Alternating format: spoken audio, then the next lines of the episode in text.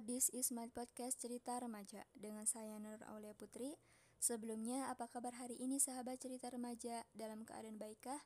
Atau sedang bahagia, sedih, galau, dan apa pun kondisinya, semoga sahabat cerita remaja selalu bahagia ya.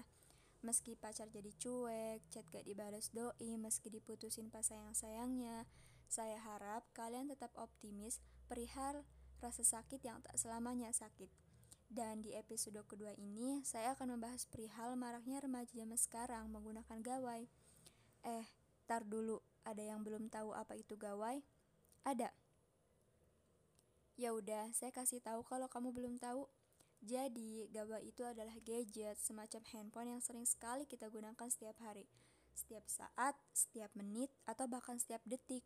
Pokoknya, tanpa gawai serasa makan sayur kurang garam, bukan begitu? Ya, di zaman sekarang ini hampir semua atau bahkan sudah semua remaja yang menggunakan gawai dalam kehidupan sehari-harinya. Tiada hari tanpa gawai, saya pun begitu. Dan juga sering sekali melihat remaja-remaja zaman sekarang yang kecanduan gawai, sampai melupakan dunia nyata karena terlalu luput dalam dunia maya yang semu. Gawai di zaman sekarang sudah jadi hal paling penting bagi manusia, dan hampir melupakan sebuah benda yang nyatanya lebih penting dari gawai. Apa itu? Yaitu buku. Mungkin buku sudah hampir dilupakan di bumi, kalah oleh canggihnya sebuah gawai. Jarang loh zaman sekarang remaja yang lebih suka baca buku dibanding main gawai berjam-jam. Padahal buku lebih banyak manfaatnya daripada main gawai. Kalau gawai kan sudah pasti memiliki banyak sekali dampak buruknya.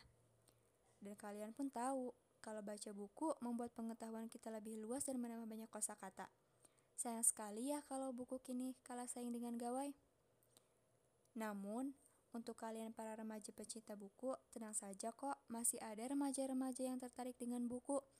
Apalagi zaman sekarang sudah banyak sekali muncul penulis-penulis muda dan banyak penerbit yang menerbitkan buku-buku novel, puisi, atau apa pun itu dari penulis-penulis muda. So, nyatanya buku masih ngetrend di zaman sekarang meski masih kalah saing dengan gawai. Buku nggak punah kok, dia masih eksis, makanya coba deh sahabat cerita remaja simpan dulu gawainya dan coba untuk membaca buku, apa pun itu bukunya.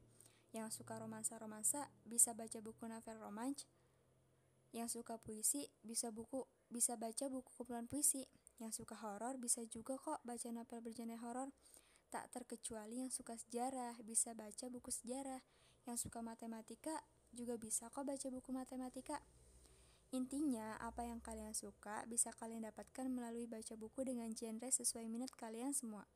Pokoknya bebas deh, gak melulu baca di internet kan, gak melulu searching di Google kan.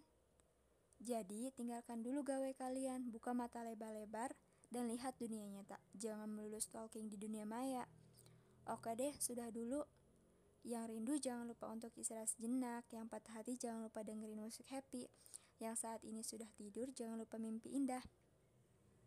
Yang belum tidur dan berniat begadang, ayo cepat tidur, gak baik loh untuk kesehatan. Yang masih mengirim pesan dengan pacarnya, sudahi dulu, besok kan bisa dilanjut lagi atau masih kangen. Ya udah, lanjut saja. Yang sedang bekerja jangan lupa semangat. Yang sekolah, fokus dulu belajar, jangan lirik gebetan mulu. Dan untuk yang lagi dengerin saya ngomong, gimana kalau kita sudahi dulu? Ya udah, kalau begitu kita sudahi dulu dan kembali bertemu di episode lain waktu. See you next time, cerita remaja.